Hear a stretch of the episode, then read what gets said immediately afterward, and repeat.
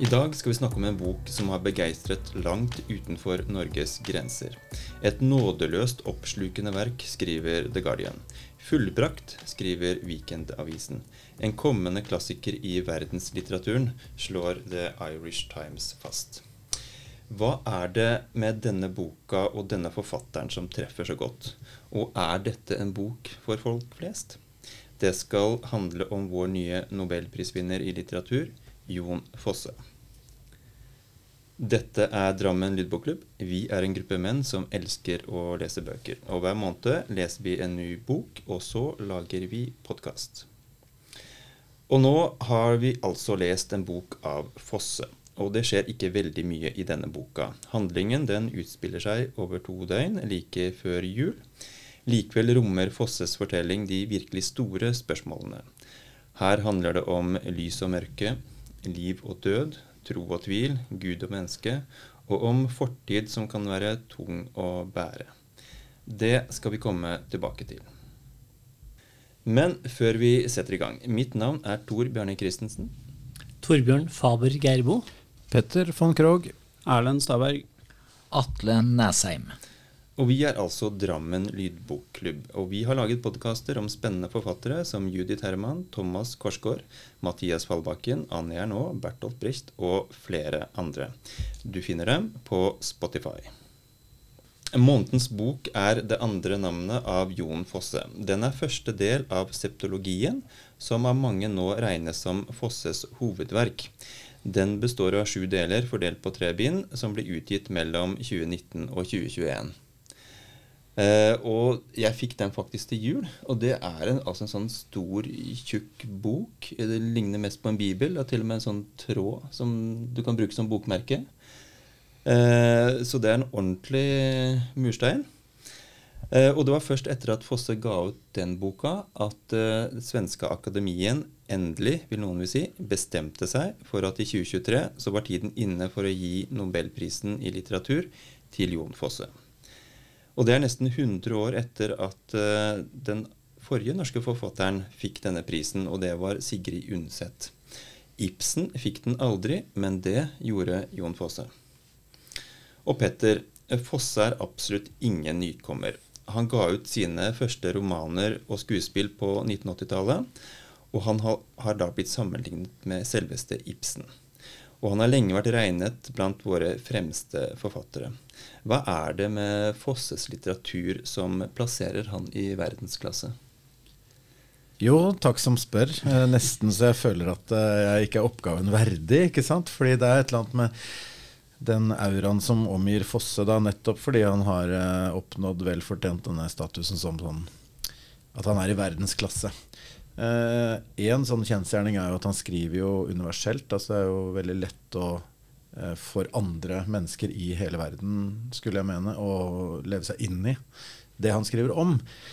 Og så er det jo sånn at han skriver på en fordømt enkel måte, men det er likevel en dybde som er helt åpenbar, ikke sant? Eh, og at han er en kunstner, det Hvis ikke han er kunstner, så er liksom ingen det. Så det er et eller annet med at Han greier å få frem så mye, hva skal vi si, mellom linjene, eller så mye med så få ord som du bare etter hvert uh, må bare erkjenne, syns jeg, da, at det er svært, svært få som greier. Og særlig Jeg hadde ikke lest så mye av Fosse før vi leste denne. Jeg har lest noen stykker osv. Men etter å ha lest denne, og da tenke over det at han har fått nobelprisen, det, det, liksom, det, det er null problem eh, å forstå det at han er i verdensklasse, for å si det sånn. Så, så det er han får nok til noe som ytterst få forfattere greier å få til med de virkemidlene han bruker. da. Ja, og det viser seg jo også i de anmeldelsene han får. og jeg siterte jo litt i begynnelsen. Men da blir vi jo veldig nysgjerrig på hvem denne mannen er. Kan ikke du fortelle litt om Jon Fosse, Torbjørn? Hvem er han? Ja, Han bør jo egentlig være ganske kjent nå blant de fleste, ettersom han fikk Nobelprisen. Men eh, vi kan si noe. Han er født i 1959 i Haugesund, og han er oppvekst i Strandebarm ved Hardangerfjorden, hvor faren var fruktdyrker. Han, Som ungdom så ble han liksom åpnet opp for litteraturen ved å lese Jens Bjørneboe. og Senere ble han veldig inspirert av Samuel Beckett. Han studerte sosiologi, filosofi og litteraturvitenskap ved Universitetet i Bergen. Og han jobbet deretter som journalist og hovedkonsulent i Samlaget, samtidig som han var forfatter. Han er gift eh, tre ganger, sist med Anna, som er en slovakisk germanist. Og så er det kanskje viktig å si noe om religion. Han konverterte til katolisismen i 2013, og det var etter at eh, alkoholen nesten tok livet av, av ham. Han er en produktiv forfatter. Eh, første boka kom i 1983, 'Raut svart', og så har han gitt ut ca. 70 verk. Romaner, fortellinger, diktsamlinger, essays, hele 40 skuespill og flere bøker for barn. Han har ja, Noen av de kjente verkene er jo f.eks. 'Morgen og kveld', 'Nåkon kjem til komme', 'Andvake' og da septologien, som vi har sett på denne gangen. Ellers kan vi jo nevne at han også har oversatt og gjendiktet flere ting, bl.a. Peter Hanke, 'Prosessen av Kafka', den vesle prinsen av Antoine de Saint-Exupéry og Ibsens Per Gynt til nynorsk. Ja, og Nobelpri Nobelprisen i litteratur fikk han jo da i 2023 før hans nyskapende dramatikk som gir røst åt det osegbare, skrev uh, Svenske Akademien. Fosse han har jo sin helt egen stil, og det er ikke helt sikkert at uh, studenter og elever og andre skal kopiere den helt, fordi han skriver f.eks. aldri punktum. Eh, det er mye gjentagelser eh, og repetisjon. Eh, kan ikke du si litt om hvilken form og sjanger vi snakker om her, Erlend? Ja, det er som du sier. Jeg tror egentlig ingen skal prøve å gjen, gjengi Jon Fosse eller prøve å herme etter, verken elever eller andre forfattere. Det er kanskje skrivemåten som er mest spesiell, og som helt sikkert gjør at mange sier at den er vanskelig. Det syns jeg kanskje egentlig ikke septologien var, den første bindet her. Han blander realisme og modernisme på en helt sånn egen måte. Litt sånn spesielt. han er jo, altså Modernismen har jo vært lenge, så den teknikken han bruker med sånn uh, stream of consciousness, som heter på engelsk, eller medvitstrøm, som sikkert Fosse ville ha sagt på nynorsk, den er jo egentlig gammel nå. Så på en måte så går den jo litt sånn tilbake i stil, og finne tilbake til den rytmen. da som man klarer å få til. Samtidig så er det jo en helt uh, realistisk fortelling. Vi følger Asle her i hverdag, og inn i tankene hans og refleksjonene han gjør seg. da. Uh, samtidig så er han jo også litt sånn ja, Hvis du tenker innholdet, så er han jo litt gammeldags i synet, på en måte. Så han blander litt sånn gamle tanker, kristne tradisjoner, inn i en litt nyere form. da. Men jeg tenker at hvis nesten sånn anbefaler at hvis noen ikke har lest Fosse før, så begynn med det her. Altså det var tilgjengelig, rett og slett. En god historie i tillegg. Og som eh, Petter sa, så er det jo Han klarer å få til noe veldig mye undertekst. Mye som ligger under der. Men selve historien er enkel, og språket er lett. Altså Det er ikke noe vanskelige ord eller setningene er enkle å lese og henge med på.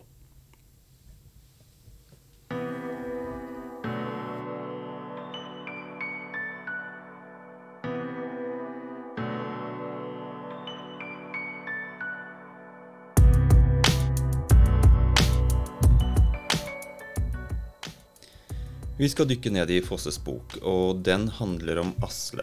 Han er godt voksen og bor alene i Dylja, og det er en liten plass på Vestlandet ved en fjord. Han er kunstmaler, og det starter eh, en morgen like før jul, da Asle har malt et bilde.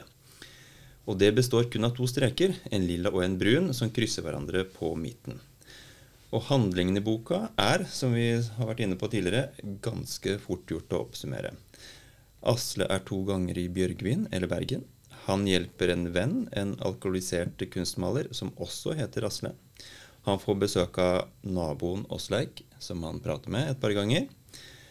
Eh, og så tenker han ganske mye på tidligere opplevelser. Og det er vonde ting, overgrep og død, men også mye godt.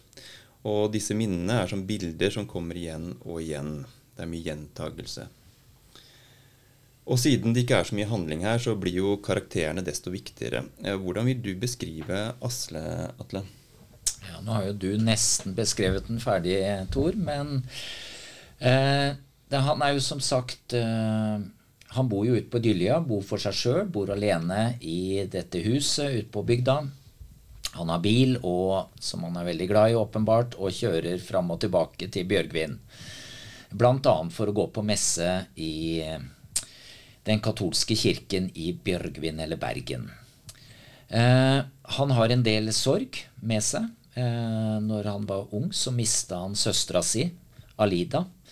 Plutselig og litt sånn uten at de helt forsto. Hun bare våkna ikke opp en morgen. Eh, og han var også i et forhold til het Ales, og hun døde også. Eh, han er åpenbart en ganske stille fyr. Eh, har ikke mange folk rundt seg. Og en vi hører en del om, er naboen. En fiskebonde som heter Åsleik. Og han er en eh, nabo som vi får både høre gode ting, og som åpenbart også irriterer Asle en god del innimellom. Han måker veien til Asle. Han eh, leverer eh, lutefisk og pinnekjøtt. Og dette er ting han hele tiden kommer tilbake til, sånn at han skal tydeliggjøre for Asle at han hele tiden står i en takknemlighetsgjeld.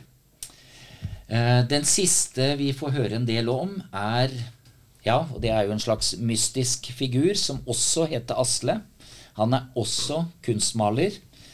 Han bor inn innover mot Bjørgvin, og han er dypt alkoholisert. Og hvordan han også egentlig da er ganske suicidal, ligger i korta her. Ja, takk skal du ha. Og nå tenker jeg at nå har vi snakket en del, men nå er det på tide å høre litt fra Jon Fosse. Og det er, kunne jo vært artig om Jon Fosse satt her i studio sammen med oss, men det, det gjør han altså ikke. Ja, det men, det hadde vært artig. Men eh, vi har boka hans her. Eh, og da tenkte vi at eh, Petter, kan ikke du lese litt? eh, og jeg kan bare fortelle litt situasjonen. Asle han er da på vei hjem fra en tur til Bjørgvin. Og han har da stoppet ved et hus der han bodde sammen med Ales, og det er den store kjærligheten i livet hans. Og mens han sitter der i bilen, så ser han et ungt par på lekeplassen nedenfor dette huset. Vær så god, Petter. Jo, takk. Det er jo et litt et stykke du har plukka ut til meg så jeg skal gjøre så godt jeg kan. Han skriver jo som sagt uten punktum, så dere får bære over med meg. Det neste bildet jeg skal begynne på, skal være av disse to. Jeg skal måle deg inn imot mitt eget innste bilete, for når jeg det gjør, og om jeg får det til, så forsvinner bildet bort, og det slutter å uroe meg, og det gjev heller fred. Det slutter å heimsøkja meg, for ellers, jeg veit det, kjem dette bildet atter og atter å komme fram i minnet mitt, men truleg har jeg alt måla dette bildet, eller eit som liknar. Eit som er om lag nettopp slik det jeg nå ser, men i så fall må jeg måle det bort enda en gang. Jeg må atter og atter måle det bort, tenker jeg.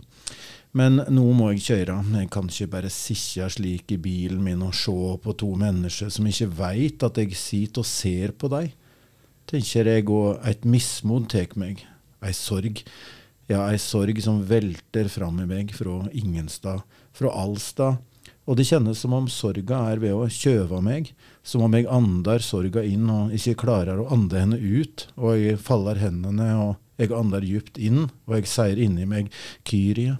Og jeg andar langsomt ut, og jeg sier Eleison. Og jeg andar djupt inn, og jeg sier Kriste. Og jeg andar langsomt ut, og jeg sier Eleison, og jeg sier det om att og om att. Og andinga og orda gjør at jeg ikke fylles av sorg, av redsle, av brå redsle av denne sorg som redsle så brått har teke meg, og som nå råder over meg, og som nå har gjort det som er jeg i meg, til et lite innskje, men til et innskje som likevel er der, fast urokkelig, og som bare vært tydeligere i si rørsle uten rørsle, og jeg ander djupt inn, og jeg sier inni meg, Kyrie, jeg ander langsomt ut, og jeg sier Eleison, og jeg ander fra det innste i meg, og jeg ander djupt inn, og jeg sier inne i meg Kriste, og jeg ander langsomt ut, og jeg sier Eleison, og jeg freistar å anda fra det som bare er der innst inne, fra bilete som der er, og som jeg ikke kan seie noe om. jeg freistar å anda fra det som er eg i meg, for å halda sorga borte, eller i alle fall i age, slik at redsla ikkje maktstel meg, og eg kjenner at den bråe sorga, den bråe redsla som vall oppi meg, vert mindre, og eg vert større, og eg tenker at eg er helt lotteleg. Om ein kom såg meg, hadde eg dei ledd seg skakke, for tenk å sitja slik i ein bil parkert på ei utkjørsle og sie Kyrie eleison, Kriste eleison. Det er til å le av, ikke anna. Men de får vel bare le, for det hjelper. Det hjelper. Jo, nå kjenner jeg meg roligere att.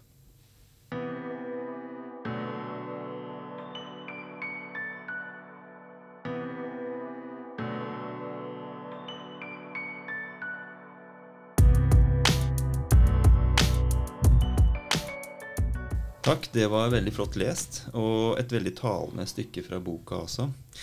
Eh, man får jo et bilde av en person som, som sliter litt, og som får bilder og, og, og finner måter å takle kanskje minner på. Men hva, hva er det egentlig Fosse er inne på her, Atle? Ja, det er jo ikke så lett å svare enkelt på det, men det er jo som du sier, og, og det går jo gjennom hele boka her, hvor han Det er akkurat som han flyter veldig inn og ut av eh, ja, nåtid og fortid, da. Fletter seg veldig sammen i perioder i boka. Eh, og i hvert fall sånn jeg leste denne scenen, er jo at det er en, en reise tilbake i minnet. At det virker som i starten at han faktisk ser noen folk som er der. Men etter hvert så tenker, tenkte i hvert fall jeg mer og mer at jeg gjenopplever en scene fra hans egen ungdomstid. Og med en kjæreste. Og om dette er Ales, vet jeg ikke. Men i hvert fall at det er da et møte med en kjæreste i snøen på denne lekeplassen, og ja At det er det vi får høre om. Ja, altså, jeg syns jo, jeg han greier å på en måte gjøre den der stream of consciousness, eller hva vi skal kalle det, veldig sånn veldig bra. da. Det, liksom, for det er jo en veldig omstendelig tekst. eh, Det er jo, Bare å lese det er jo én ting, og en annen ting er å prøve å prosessere det mens du leser det. så er det, det er jo det, det gjentar seg, gjentar seg, gjentar seg, og så er det små endringer hele veien. og så Det slo meg mange ganger i den boka. Det ligner jo litt på det som foregår oppi knollen når man går rundt der som menneske her. da. Og så greier han liksom å ta ut essensen likevel og presentere det på den måten her. Jeg, jeg blir jo litt imponert òg. At ikke, ikke så mange like ord f.eks. blir kjedelig. Altså, han får det jo til. Og det, det er veldig sterkt gjort, altså. Ja, så tenker jeg, Det er jo et eller annet synes jeg hele romanen egentlig et eller annet litt sånn mørkt som ligger under, som står på spill hele tida. Altså, hen puster en seg jo nesten gjennom en sånn type panikkanfall. At du puster i mønster, puster inn og ut. Men så er det denne liturgien da, som, som en uh, bruker i pusten sin. Uten at en egentlig reflekterer så mye over det, så bare havner en et annet sted og finner en ro. Han gjør jo ikke det hele tida.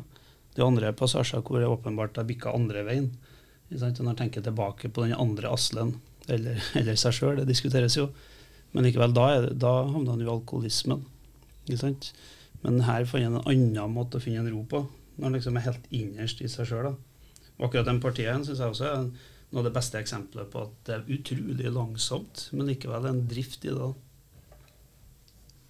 Det er jo på en måte som han visker ut det tidsaspektet, fordi han, han beskriver det man kanskje kan oppfatte som et minne, noe han har opplevd selv, i nåtid. Eh, og han står faktisk og ser på fysiske mennesker som er på en lekeplass.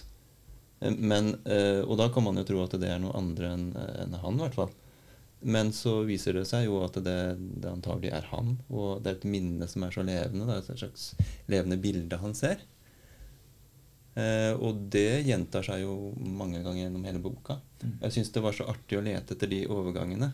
For den er jo fortalt i jeg-person. Men når han går over til, til å beskrive minnet, da, så går det over i han. Han omtaler eh, Asle-personen som han, da. Hovedpersonen. Så det er veldig, veldig sånne nesten umerkelige overganger mellom fortid og nåtid, og da blir hele tidsaspektet viska bort. Og det syns jeg var veldig sånn bra grep, da. Ja, og det er jo noe med Som vi har vært inne på hele denne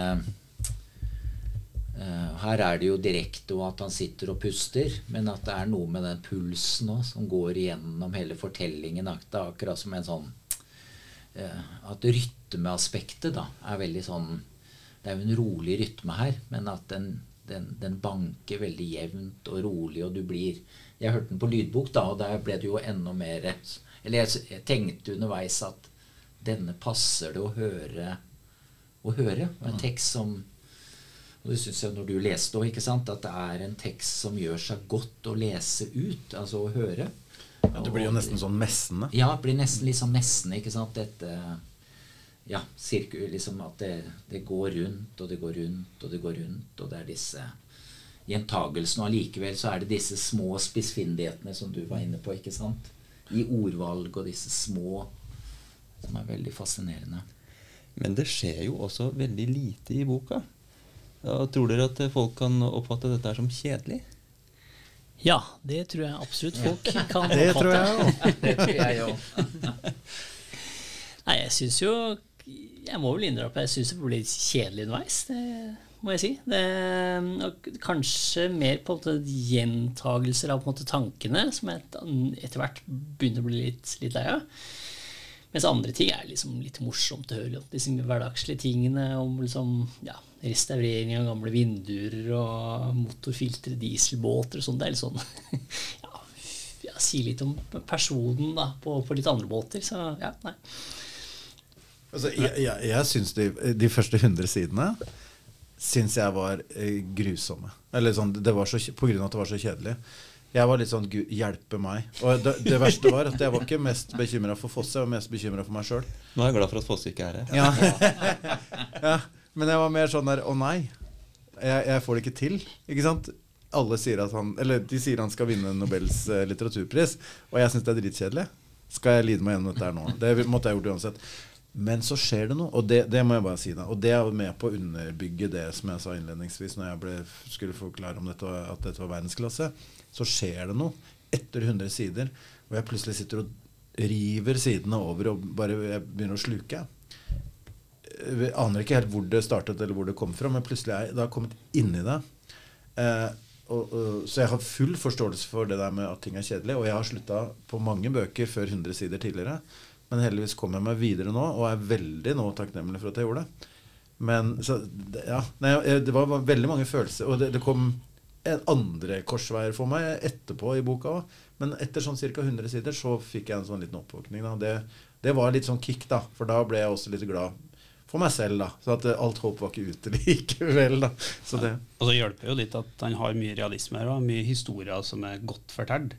Altså, jeg tror kanskje hvis han bare hadde hatt her refleksjonene og det katolske og det, ja, altså det, det indre tankene hele tida, liksom, så hadde det blitt en lang, dryg septologi, for å si det sånn, men den krydrer det med veldig mye sånn helt banal eh, realisme. Og det er tilbakeblikkene i barndommen òg. Det er jo fantastiske små scener som krydrer hele historien, som jeg syns er nødvendig nesten òg. Ja. ja, de er viktige. Mm. Ja, rett og slett. Det som redder meg litt her, er på en måte mysteriet. altså Hvor mange personer er det egentlig her? Altså det, det, er det jeg tenker på. Er det, ja, det er Asle og det er Asle. Det er på en måte, ja, det er greit. Eh, og det er Ales, og det er Alida, det er Guro som uh, flere personer heter, eller er det samme? Men er det, ja, hvor mange personer? Er det egentlig liksom Er det en, flere sider ved én og samme person? Jeg vet ikke. altså Sånne ting. Det er det som trigger meg litt sånn at jeg på en måte vil finne litt ut av. Ja. Løse et mysterium. Ja, Så kan man jo tenke på hvor selvbiografisk er dette prosjektet også. Eh, nå hørte ikke jeg at du sa at, han, at Fosse har drevet med kunstmaling. for Det har han antakeligvis ikke gjort. Men han er jo en kunstner på, på, en måte. Ikke bare på en måte, men han er jo en kunstner. Eh, og han har hatt store alkoholproblemer. Hovedpersonen i boka konverterer til katolisismen. Det gjør han også. Så, så hvor selvbiografisk eh, er dette prosjektet? Han er veldig opptatt sjøl av at det ikke er sjølbiografisk. Hvis han skriver om seg sjøl, så blir det dårlig litteratur. Men, han, men det kan minne om ting han har skrevet, eller at det kan ha gjort noe lignende, og så blir det litteratur ut av det. Men han er veldig opptatt av at han ikke egentlig skriver for å uttrykke seg, det er et eller annet som uttrykkes gjennom han. Så han er jo litt sånn metafysisk i sjølve forfattersynet sitt også. Jeg syns ikke det er veldig interessant. Jon Fosse er jo veldig privat òg, så man vet jo litt om det først nå at man begynner å få høre om og Han har jo ung kone, og han har jo tidligere ekteskap, han har jo holdt av de kortene tett til brystet. Mm. Så på en måte ikke så interessant, syns jeg. Rett og slett. Jeg er helt enig. Men jeg, synes- det jeg syns var interessant, det er det du forteller, uh, Torbjørn. Fordi det med det mysteriet, med hvor mange personer osv. For det var nemlig en ny korsvei for meg i den boka, etter at jeg liksom fikk liksom virkelig giret. Våkner til, kicker veldig. Så kommer det en slags uh, logisk konflikt, da. Fordi, syns jeg, da, når hun Guro-personen dukker opp. For da blir jeg mer usikker på er Asle i Dylja og Asle i Bjørgvin den samme. Kan det være det? Prøver han å fortelle meg det?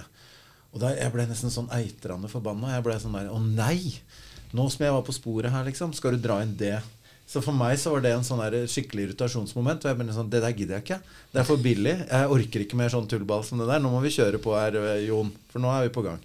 Men, men ok da, så, sant, så skjer det ting etterpå for meg òg. Men akkurat da kjente jeg at det, det der er ikke noe mysterium jeg er ute etter. Så jeg synes, men det er veldig kult at du kikker på det. Mens for meg så var det sånn derre jeg jeg var endelig kommet til en trygg havn, da, trodde jeg. Og så var det enda flere lag. enda dypere tjern, da. det, det er en veldig sterk måte å fortelle om altså, Vi får vite at hovedpersonen Asle også har hatt alkoholproblemer, ikke sant? Tidligere. Mm. Og så får du høre om denne personen som er kunstmaler etter Asle, som bor i, i Bjørgvin, og som tilfeldigvis også leverer malerier til den samme kunstforhandleren. Så veldig mye likt. Og, og som da har store problemer, så store at han havner på en måte i grøftekanten og blir, må bli frakta til legevakta av hovedpersonen Atle. Asle. Nei, nå sa jeg Atle. jeg sa før sending at jeg kom, helt sikkert kom til å kalle Det betyr Asle opprinnelig det samme. Asle og Atle er samme opprinnelse. Det andre navnet. Det andre navnet. Det andre navnet. Men det, det er et ganske elegant grep, da, syns jeg. Unnskyld meg, Ja. betyr Asle og Atle det andre navnet? Nei, det, nei, nei, nei, Asle og Atle har samme opprinnelse. Ja, ja ok, Men hva betyr disse navnene, da, når vi først er på den? Nei, jeg tror ikke Atle er veldig uklar eh, bakgrunn. Ok. Jeg tror, ja. For er det ikke et eller annet med at eh, alle personene heter Asle i, hos, hos Fosse? Jo. Jo, det er mye Asle. Mye og Asle. Ales. Ales. Asle og Ales, ja. Ales. Ja. Sånne ordspill på Og Alida. Og. Ja. Ja, Åsleik og ja. Jeg syns man nesten eh, legger en ny teori til deg, da, Torbjørn. For jeg, når jeg leser jeg den en gang først, første gang den kom, og så har jeg hørt den på nytt nå. At når du har hørt den på nytt, så er det nesten helt umulig å ikke lese Asle som den samme personen. Mm. Altså Det er så mye, nesten sånn åpenbart noen ganger at han kommenterer det òg. I tillegg så åpner romanen også med å si at Og jeg ser meg stå og se mot det bildet som en maler og maler på de to strekene sine. ikke sant, Andreas Krosse. Mm. Så at han, han som forteller, er jo egentlig en annen plass også. Ja. Er det altså, i døden eventuelt, altså, eller i en annen tilværelse, på en måte, kunne se seg sjøl igjen på rammefortellinga. Altså, synes jeg også han Åsleik der framstår jo nesten såpass karikert. eh, altså, Kan det være en uh, virkelig fyr? Eller er det også i Mm. sivet fortelleren her, da? Litt sånn mer den folkelige sida. Her er det du trenger på en måte for faktisk å love også. da. Begeistringa for mat og snømåking og det helt praktiske. Tror du ikke Åsleik kan være en Syns du han er for karikert? Ja, altså Når jeg leser den på nytt, så tenker jeg at ja, det er jo bare en annen side ved samme person, rett og slett. Og spørsmålet om Ales også kan være det samme. Mm. Ja, det er hans religiøse dimensjon, rett og slett. Du får Jeg har ikke finlest, ikke sant, men det er mange sånne Det er lag på lag på lag her som gjør det så utrolig Altså for å si sånn. Jeg tror ikke du må høre den boka en gang til. Nei. For da tror jeg Da kommer jeg i hvert fall til dette. Ja, ja, ok. Ja, nei, jeg syns Åsleik han var grei å forholde seg til. Ja. Ja, sånne folk føler jeg det fins på hver tue, liksom. Men uh, det er kanskje på de tuene jeg bor rundt, da. Jo da, men legg merke til, som du sa, sa før vi starta sendinga, at eh, Åsleik er også god til å plukke kunsten. Han har jo minst eh, like, kanskje et bedre blikk enn kunstneren her. Jo, men det kan jo være at han er mer like mye i kontakt med naturen som en hvilken som helst annen eh, akademiker Mm. eller kunstner. Det, så jeg tenker det, det kan være en Det er jo alltid liksom litt dypere grunn enn det man kanskje først ser, da selv om man er glad i snømåking og fiske. liksom. Ja da, men samtidig så er jo Asle den som virkelig lar seg begeistre av smaken her av pinnekjøtt og flesk og Ja, i steikinga her. Ikke sant? Ja. Og legg merke til at Åsleik dukker jo alltid opp når en trenger det, på en måte. ikke sant? Når en trenger at noen måker veien, eller når noen lager maten, eller fyrer opp i ovnen, eller Ja, ja, ja. trenger det der teppet. Men jeg må, ikke sant? apropos flesk, da, eh, og det der eh, hva er han, eh, han sier jo ikke Bondeheimen, eller Skjenkestua. Skjenkestova. Hei- Nei, nei, nei, Heimen. nei. Heimen. Heimen. Heimen, ja. Og da tenkte jeg det må, det må jo være være, bare- Kom igjen, da. Eh, ikke Bondeheimen, men Jo, Bondeheimen. Ja, for det, det har vi med Oslo. Mm. Der, eh, Ja. Det så vi flere ganger, og eh, helt supert. Så tenkte jeg, så skulle jeg til Bergen på jobb.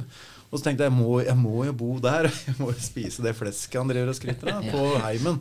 Men så googla jeg, jeg kunne ikke finne Bondeheimen i Bergen. Jeg ble litt som å velge sånn uh, generisk kjedelig hotell isteden. Så jeg vet ikke, Der har de en jobb å gjøre. Hvis det fins der, så må dere bare høyere opp på noen sånn Google-ranking. eller sånn, For jeg var klar, altså. Jeg skulle ha masse flesk på frokosten. Men eh, ja, ok. Så, så nærme Fosse kom jeg, da. Det vil si ikke så nærme. Men det er jo en dypt alvorlig eh, tematikk som ligger under her. Vi kan komme litt tilbake til det når vi skal snakke litt om kunst og kunstsynet hans. Men, men han, denne Asle, alkoholiserte Asle, han må jo ha sprit for å, for å liksom, kunne få stanse skjelvinga og sånn. Og så tenker han på én ting, og det er at han vil gå ut i fjorden. Ned til stranda, ut i fjorden og utover i havet og bare forsvinne. ikke sant, Ta, ta livet sitt. Og du får også flere, flere sånne glimt eh, av vonde minner fra barndom. Eh, og du får et inntrykk av en person som har store problemer med å, å på en måte holde seg flytende. Eh, og sliter med å takle de vonde minnene. Eh, så, så hvordan, eh, hvordan syns dere han får fram liksom, Får formidla dette litt mørke inn i en historie som er mye hverdagslig og, og trivelig, men allikevel har denne mørke skyggesiden?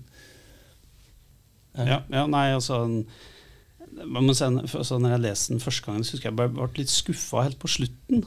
Når han havner i bilen hos skallen der. Jeg husker på den scenen, ikke sant? Som han jo også har lagt helt til slutten. Og på en måte er han jo ganske lang tid i barndommen når han, eh, nabogutten Bård dør. Og så drukner der, og så, mm, som er en veldig fin fortelling, egentlig. Og så ble jeg litt sånn skuffa, så kokte det ned til det, liksom. En sånn, eh, et eh, for så vidt litt sånn halvveis uskyldig overgrep som en kan være utsatt for. For det er jo litt sånn psykoanalytisk hele veien her. Hvor en får de små glimtene, og så mer og mer tilbake i barndommen. Og det som ligger dypere og dypere. Så ble jeg litt sånn skuffa over at var det dit du ville?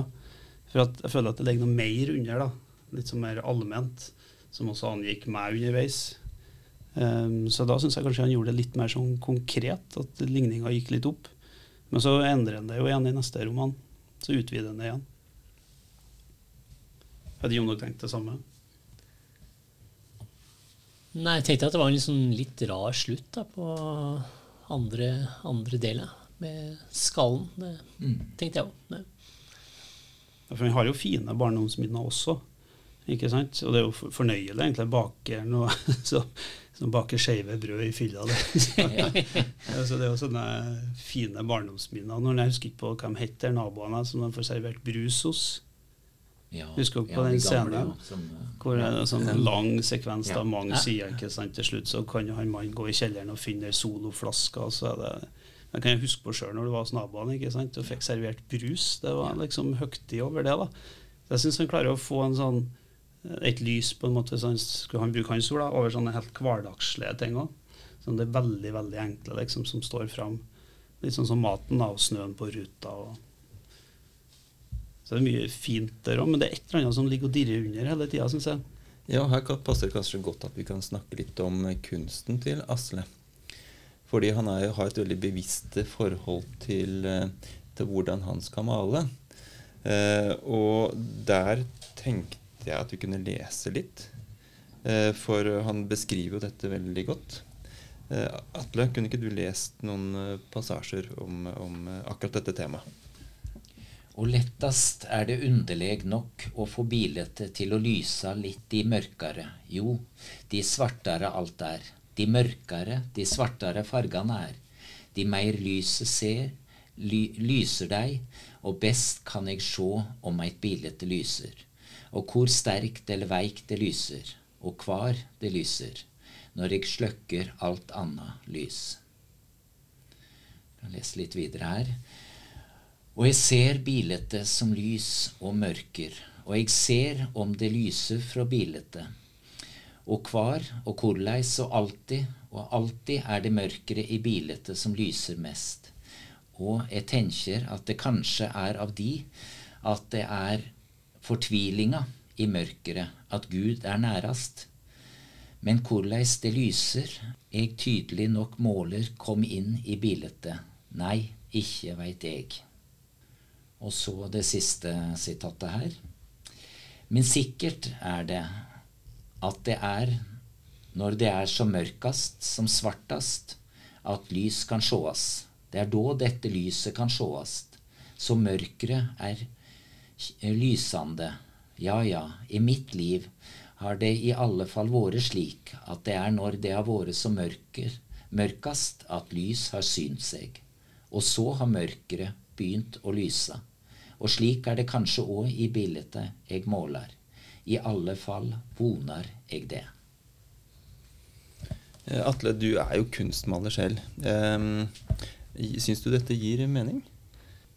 Jeg vet ikke om jeg har tenkt på det akkurat sånn, men jeg må jo si jeg ble veldig sånn grepet av en eller annen han, han har noen utrolig fine beskrivelser av på en måte kunsten, og så, og så blir det en veldig rar situasjon hvor han kommer med disse betraktningene gjennom liksom bevisstheten sin, og samtidig så Det var litt det vi var inne på i stad. Han skriver så godt om paradoksene mellom det veldig hverdagslige og det veldig hva skal man si vanlige, og at det hele tiden ligger noe under.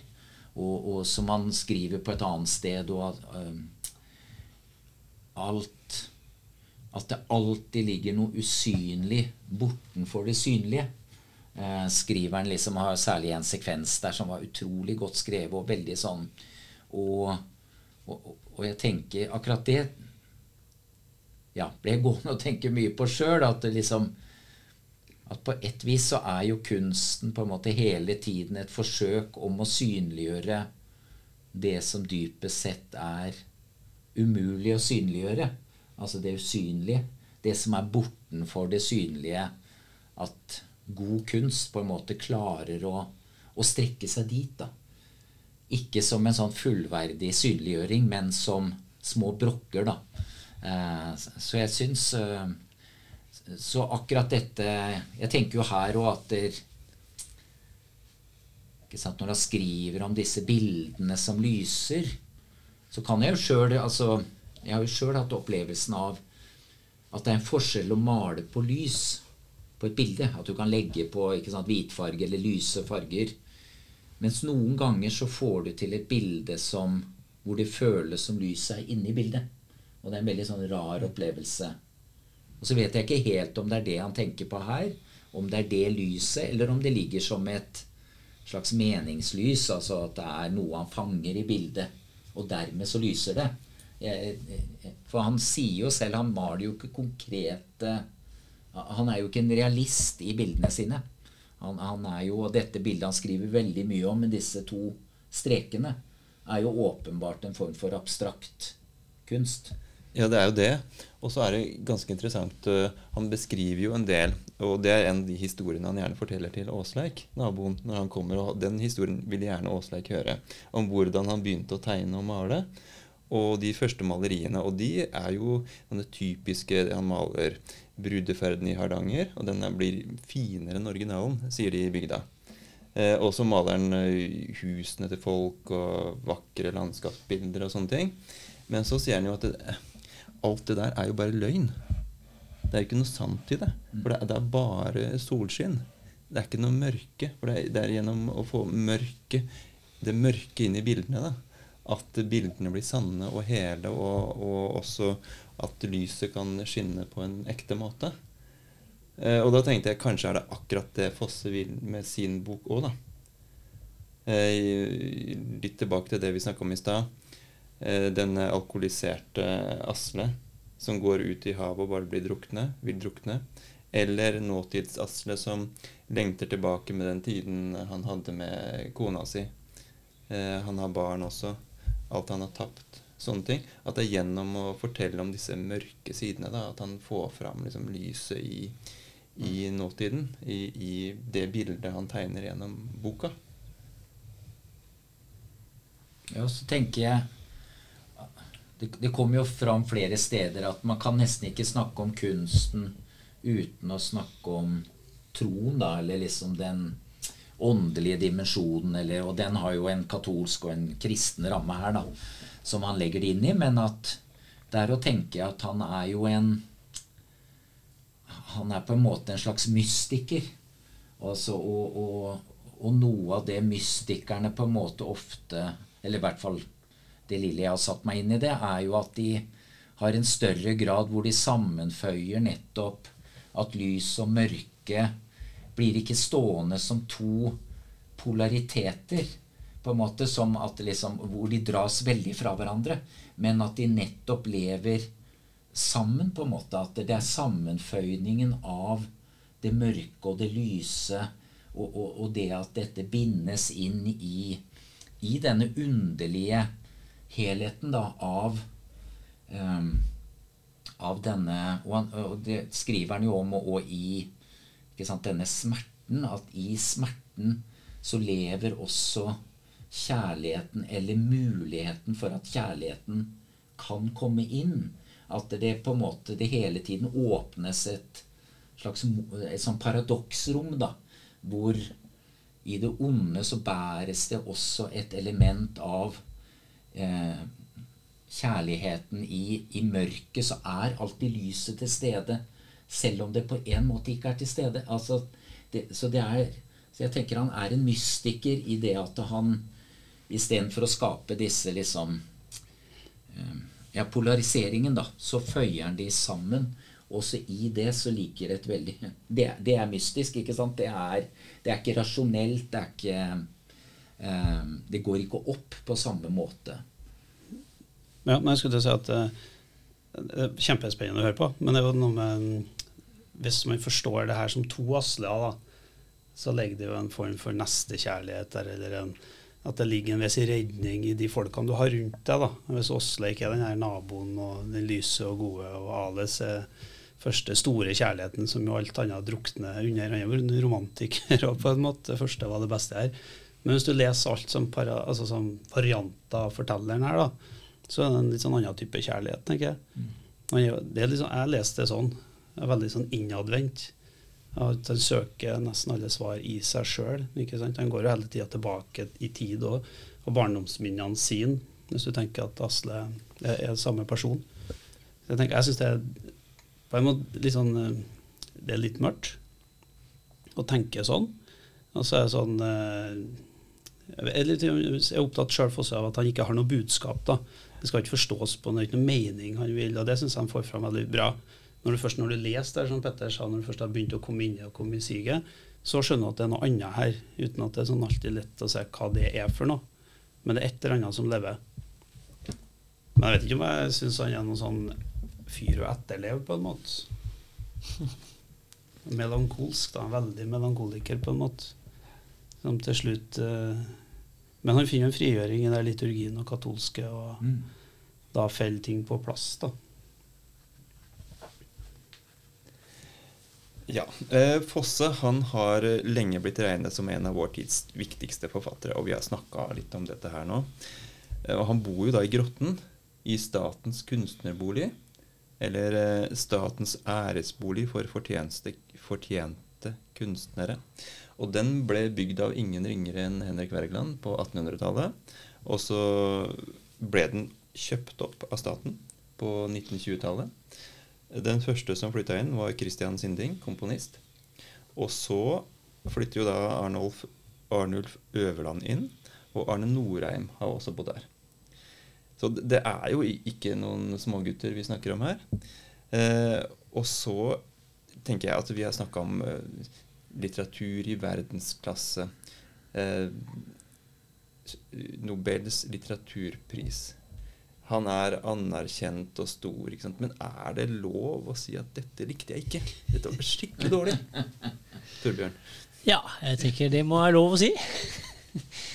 Altså, nei, jeg blir ikke sånn kjempegrepet der. Altså, greit nok. Jeg skal ikke si at det er dårlig, men eh, for min del så ble jeg ikke sånn veldig grepet. Jeg tenker vel kanskje også at den andvake likte jeg for, for så vidt bedre, som lest for noen år siden. Så Jeg tror du er inne på noe veldig viktig der. fordi at eh, du kan rett og slett ikke si at dette var dårlig. Da skjønner alle at ikke du veit noe. Men du kan godt si at det her Ja, men det, det, det, det rett skal være rett. Men det går an å si at det her var ikke noe for meg. Det her passa ikke Altså, det her likte jeg ikke. Det er lov å si. Men du kan ikke si at det var dårlig.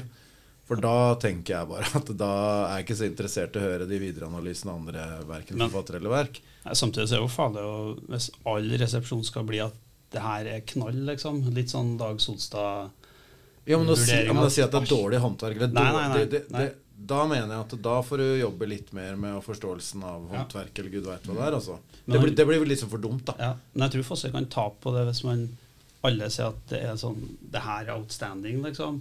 Og så får han ikke noe særlig kritikk, ikke sant. Og så blir det sånn Om det er vanskelig, det er en annen sfære enn det folk kan lese. Men det syns jeg ikke det er. Altså Alle kan lese. Det i hvert fall ha det som lydbok. Jo, men det er jo litt funny. Han er jo ikke sånn bejubla forfatter, sånn som han får bare seksere, og han er liksom overalt som Å, alle selger 200 000 altså, sånn. Det er jo ikke sånn heller. Det er, det er jo bare at han har en sånn standing på kvalitet og kvalitetsstempel som gjør at han er litt sånn untouchable, da, bor i grotten og hele pakka. Men det er jo samtidig Det er jo ikke sånn at liksom alle sier at det her eh, Det er det beste jeg vet, og sånn. Men, men jeg vet ikke, det er liksom litt konsensus, det der med at liksom Ja, han er en forfatter, og han er en kunstner. Og det, det syns jeg i hvert fall etter å ha lest dette, det skal jeg i hvert fall ikke prøve å late som jeg kan ta ifra han.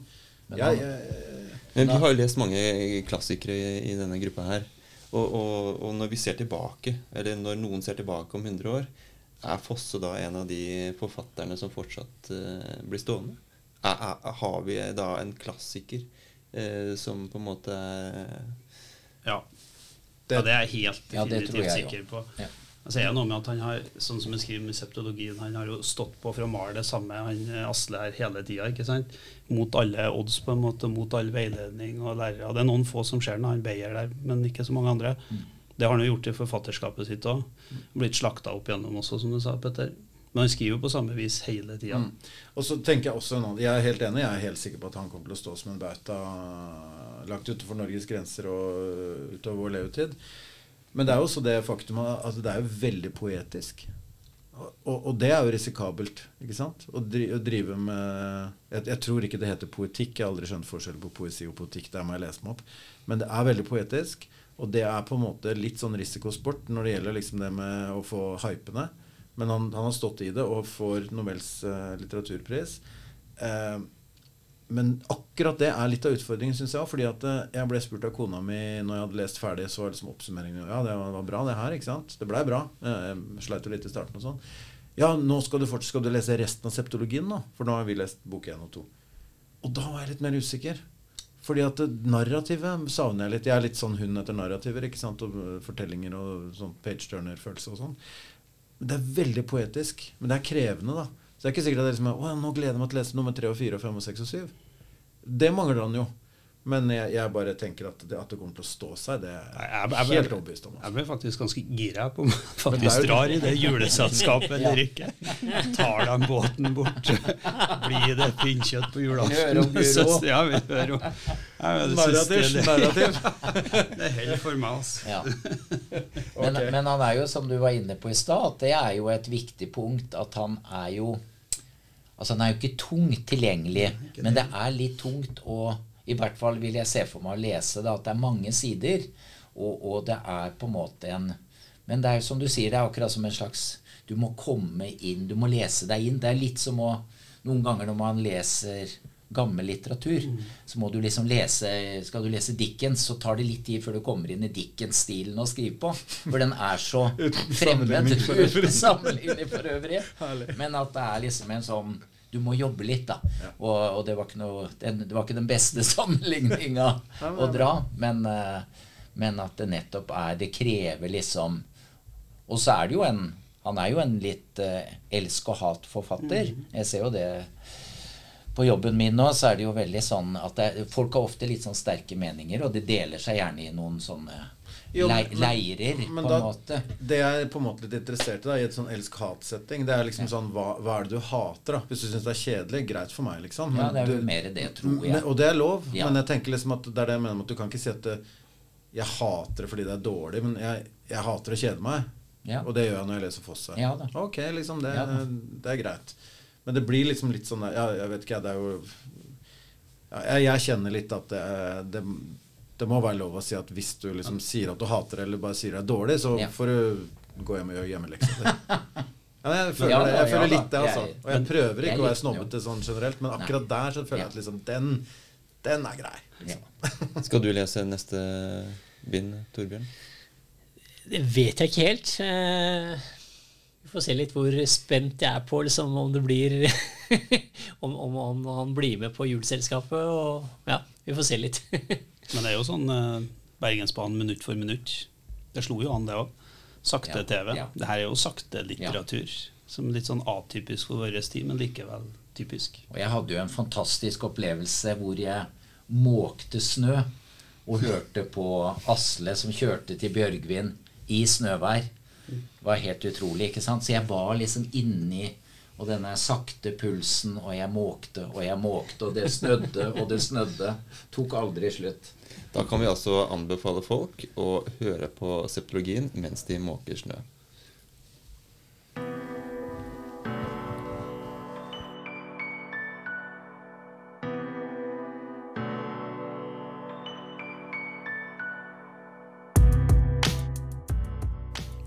Og nå har vi kommet fram til dagens høydepunkt, fordi vi skal trille terning. Men først så skal vi snakke litt om hvordan vi leste denne boka. Torbjørn, hvordan leste du eh, boka? Eh, Denne finnes på Storytel, så jeg hørte på Storytel. Det er da Anders Eide som leser på eh, aldeles ypperlig. Han holder på en litt tempo oppe, og så er det jo på den autentisk dialekt, så vidt jeg kan forstå. Eneste som er litt rart, er at det er samme stemmen som er med i ja, Andis elleville dinosaureventyr på, på NRK Super. Så, så du blir litt sånn forvirra? ja. Asles elleville eventyr. Petter, hvordan leste du det? Ja, her ble det lån på biblioteket. Jeg måtte jo spesialbestille omtrent, for det var selvfølgelig veldig mye rift om dette her, men jeg fikk noen tak på boka, og det er jo flott. Eh, men jeg må understreke nynorsken til eh, Jon Fosse. Det er jo ingen tilfeldigheter der. Den er jo til dels konservativ, til dels eh, gammeldags på noen ting.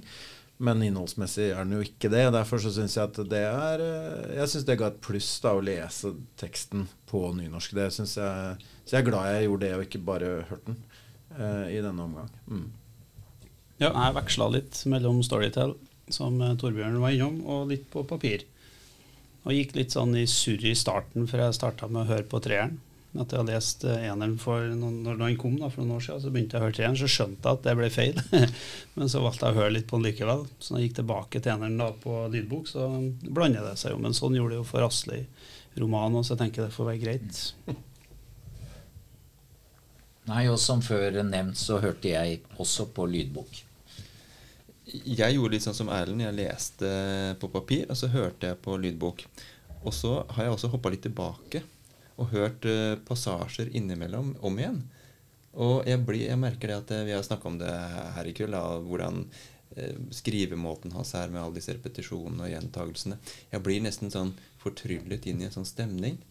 Og så er det skikkelig fint å være der når jeg først har kommet hit. Og da kan jeg bare høre og høre og høre. Det, er, det har ikke så mye å si nesten hva han forteller. Så jeg hadde en skikkelig fin opplevelse. Måkte ikke snø, men jeg gjorde mye annet. Da skal vi trille terning. Og da gjør vi det sånn at vi gir hvert vårt terningkast. Da begynner vi med deg, Torbjørn. Fire fra meg, og det er stort sett for den første delen som er litt best. Jeg eh, sier f- terningkast fem.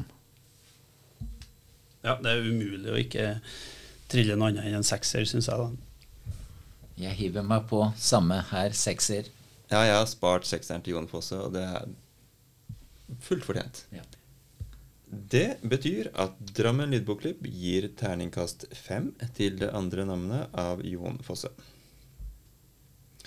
Vi er jo en bokklubb, og det betyr at vi skal velge en ny bok. Og det har vi gjort. Neste gang så skal vi lese 'Mellom trærne' av den islandske forfatteren Gyrdir Eliasson. Det gleder vi oss til. Bli gjerne med og les denne boka du også. På den måten kan du være med i bokklubben vår og glede deg til spennende leseopplevelser hver måned. Vi skal runde av, og det skal vi gjøre med å lese et dikt av Jon Fosse. For i tillegg til å skrive romaner og skuespill, så skriver han også dikt. Og diktet vi skal lese, heter 'Snøsong', og det er hentet fra, fra diktsamlingen 'Stein til stein' fra 2013. Og det er Erlend som skal lese for oss. Snøsong. Det å sitte og se på et fjell gjør meg godt. Hjertet blir rolig, og snøen på et fjell lyfter andletet mitt mot en stad inne i den skimrende snøen. Og snøen, i lyset, sier meg det er deg det gjelder. Og da tror jeg at det finst en stad, som også jeg skal finne, der vinden snakker lågt, og der kjærleik andar i si lyse stille, av himmel og av jord, og er en stad for hvile i ei sky som driver forbi. Og med det sier vi takk for oss.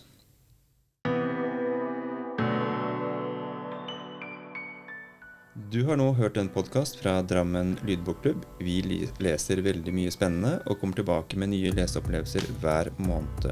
Du finner podkastene våre på Spotify og på Drammen lydbokklubb sin nettside. Du kan også følge oss og få oppdateringer på Facebook og Twitter.